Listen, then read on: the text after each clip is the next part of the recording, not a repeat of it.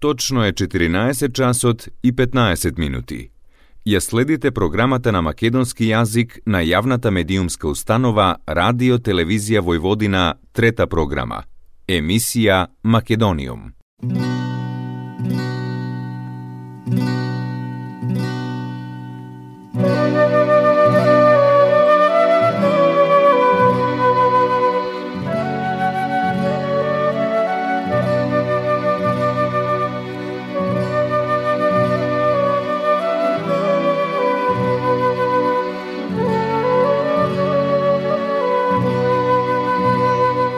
Македониум.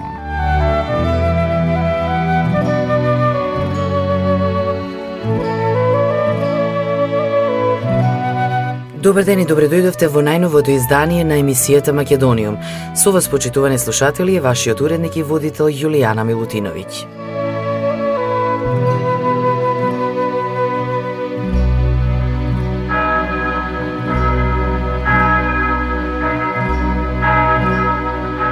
Овозможување диалог за владењето на правото во поглед на пристапувањето на Северна Македонија и Западен Балкан во Европската Унија е целта на настанот мониторинг на владењето на правото за земите членки на Европската Унија и кандидатите, премостување на јазот, што денеска ќе се одржи во Скопје во организација на Институтот за европска политика.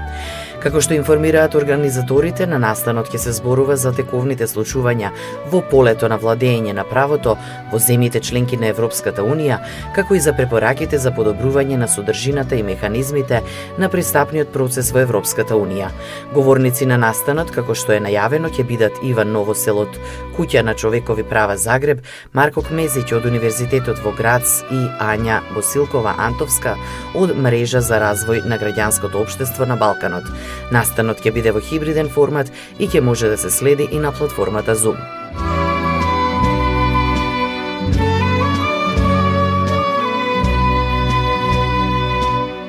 На вчерашната 37 седница на владата на Република Северна Македонија Методија Димовски е именуван за нов генерален секретар, потврдуваат од владата. На истата седница предходно е констатирана оставката на неговиот предходник Мухамед Зекири, кој е осомничен за кривично дело врзано со јавни набавки во владата и поднесе оставка веднаш по покренувањето на обвинението. Тој на функцијата во владата доаѓа на покана на премиерот Димитар Ковачевски од Министерството за животна средина и просторно планирање, каде беше член на Инспекцијскиот совет за животна средина и здравје на луѓето. Димовски пред да влезе во Министерството бил генерален секретар во Агенцијата за државни службеници или сегашна Агенција за администрација, а бил и самостоен консултант. Во 90-тите тој бил и помошник министер за животна средина.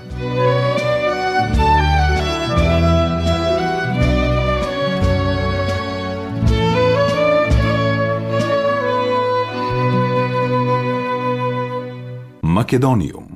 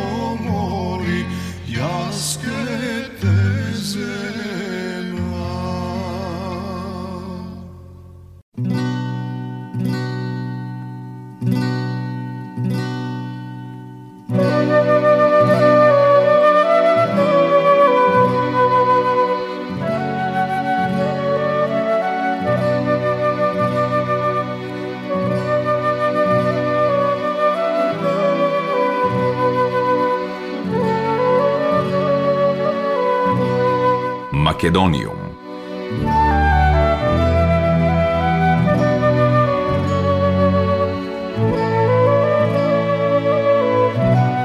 Со новите безбедносни предизвици што во регионот ги создаде украинската криза, императив е што побргу Западен Балкан да се интегрира во Европската Унија.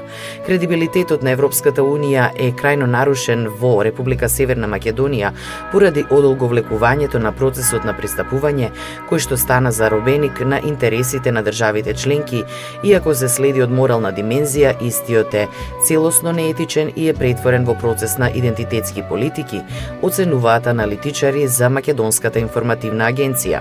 Во процесот на изнаоѓање решение со Бугарија, а во контекст и набарањето на албанскиот премиер Еди Рама за одвојување на Тирана од Скопје на патот кон Европската Унија, ако не се реши прашањето до јуни, потребно е да не се прават одстапки по секоја цена, сметаат аналитичарите. Тие наведуваат дека евентуално се опфатен договор помеѓу Бугарија и Македонија, што целосно би ја заштитувал земјата и Софија, би се обврзала дека процесот нема да биде процес злоупотребуван понатаму за нови барања, би создал поволни услови за да се намалат ризиците за Македонија и да се согласиме за внесување на бугарите во уставот по првата меѓувладина конференција. Во контекстот на барањето на премиерот Рама за одвојување на Тирана од Скопје на патот кон Европската Унија, ако не се најде решение за билатералното прашање до јуни, директорката на Европскиот институт за политика Симонида Кацарска смета дека одлуката за одвојување од Македонија, односно почеток на преговори со Албанија, е во рацете на државите членки на Европската Унија. Во моментот немаме јасни индикации дека сите држави членки ќе се согласат на овој чекор во јуни. Сепак, ова сценарио не е исклучено доколку блокадата од Бугарија продолжи. Од друга страна, имајќи предвид дека овој процес е исклучително долг, самиот почеток и е гаранција за квалитетен процес понатаму, како што гледаме од случаите на Србија и Црнагора, вели Кацарска за Македонската информативна агенција.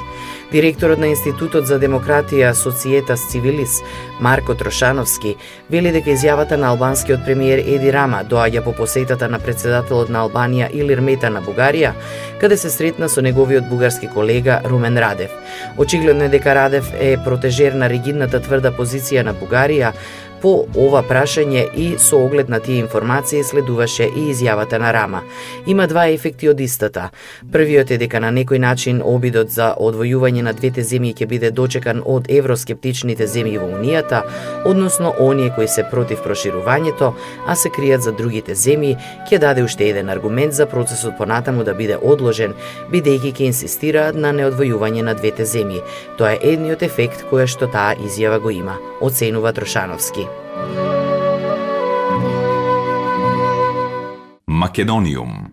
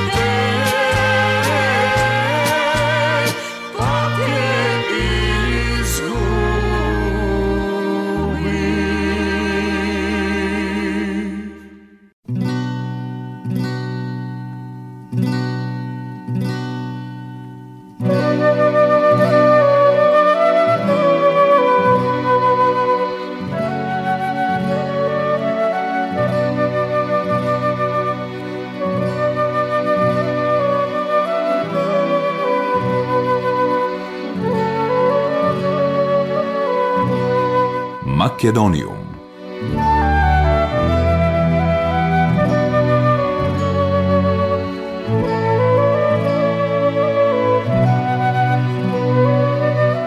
Високата школа за осигурување и финансии од Бугарија подпиша меморандуми за соработка со приватните универзитети во Северна Македонија, Универзитетот АУЕФОН од Скопје, Универзитетот Американ Коледж Скопје и Универзитетот во Југоисточна Европа Тетово. Како што јавува дописникот на Македонската информативна агенција од Софија, меморандумите меѓу универзитетите даваат можности за академска соработка, изработка на заеднички наставни програми, преку кои студентите од Северна Македонија и Бугарија ќе можат да добијат двојни дипломи. Соработката ќе обезбеди и нови регионални можности за стекнување докторски, магистерски и дипломски студии по економија, бизнис и предприемништво. Во текот на разговорите меѓу ректорот на Вишата школа за осигурување и финансии професор Борис Велчев и ректорите на трите универзитети во Република Северна Македонија биле разгледани можностите за проширување на академската размена на студенти и наставници меѓу двете земји. Тие се договорија да работат на примена на практиката на студентската мобилност за студирање во странство и да вршат блиска размена на научни материјали, публикации и информации во интерес на студентите. Со подпишувањето на меморандумите, Високата школа за осигурување и финансии продолжува со напорите за континуирано проширување на својата меѓународна мрежа на партнери меѓу универзитетите во Европа и регионот, нудејќи им на своите студенти постојано модернизирање, современ образовен процес, размена на искуства и имплементација на иновативни пристапи и практики во образованието, обуки и на работа. Дописникот на Македонската информативна агенција подсетува дека Вишата школа за осигурување и финансии е првиот бугарски приватен универзитет специализиран во областа на бизнисот, финансиите, осигурувањето, менеджментот, маркетингот и предприемништвото. Македониум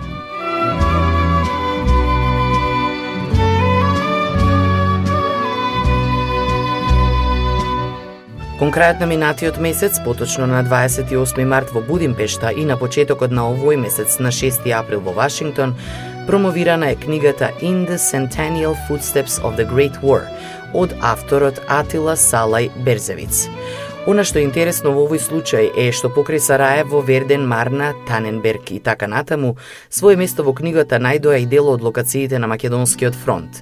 Низ историјата сите војни добивале имиња, но не и онаа на која е посветена книгата во два тома на Атила Салај Берзевиц. Таа беше едноставно наречена голема војна бидејќи била најсмртоносна и најразурнувачка војна дотогаш.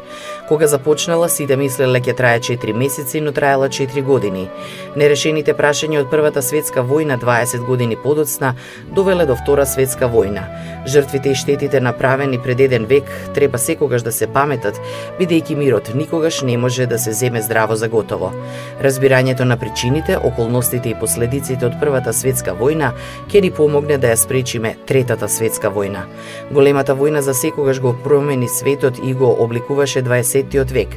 Таа го означи крајот на британската и француската колонијална империја и доведе до формирање на Австралија, Нов Зеланд, Канада, Ирска и Полска како нови суверени држави. Доведе до крајот на германската, австро-унгарската, руската и отоманската монархија и ги доведе Соединетите Американски држави до статус на глобална сила. Големата војна резултираше со воспоставување на Советскиот сојуз, Југославија, Чехословачка и проширена Романија, заедно со нови земји на преобликуваниот Блиски Исток и ја постави основата за уште поразорна војна 20 на години подоцна, поттикнувајќи брутална борба меѓу капитализам, фашизам и комунизам. По овие епски промени не е изненадување што 100 години подоцна наследството од големата војна се уште е дел од нашето секојдневие. На 1 јуни оваа книга ќе биде промовирана во Лондон, а на 1 ноември закажана е промоцијата и во Белград. Македонијум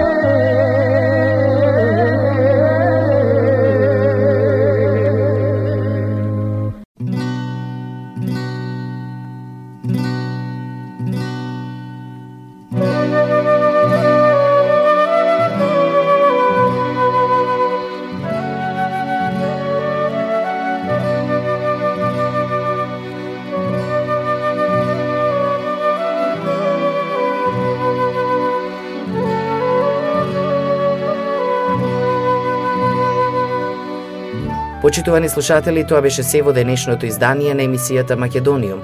До следната среда во исто време, срдечен и голем поздрав од вашиот уредник и водител Јулијана Милутиновиќ. Ја следевте програмата на македонски јазик, емисија Македониум. Главен и одговорен уредник Воин Поповиќ.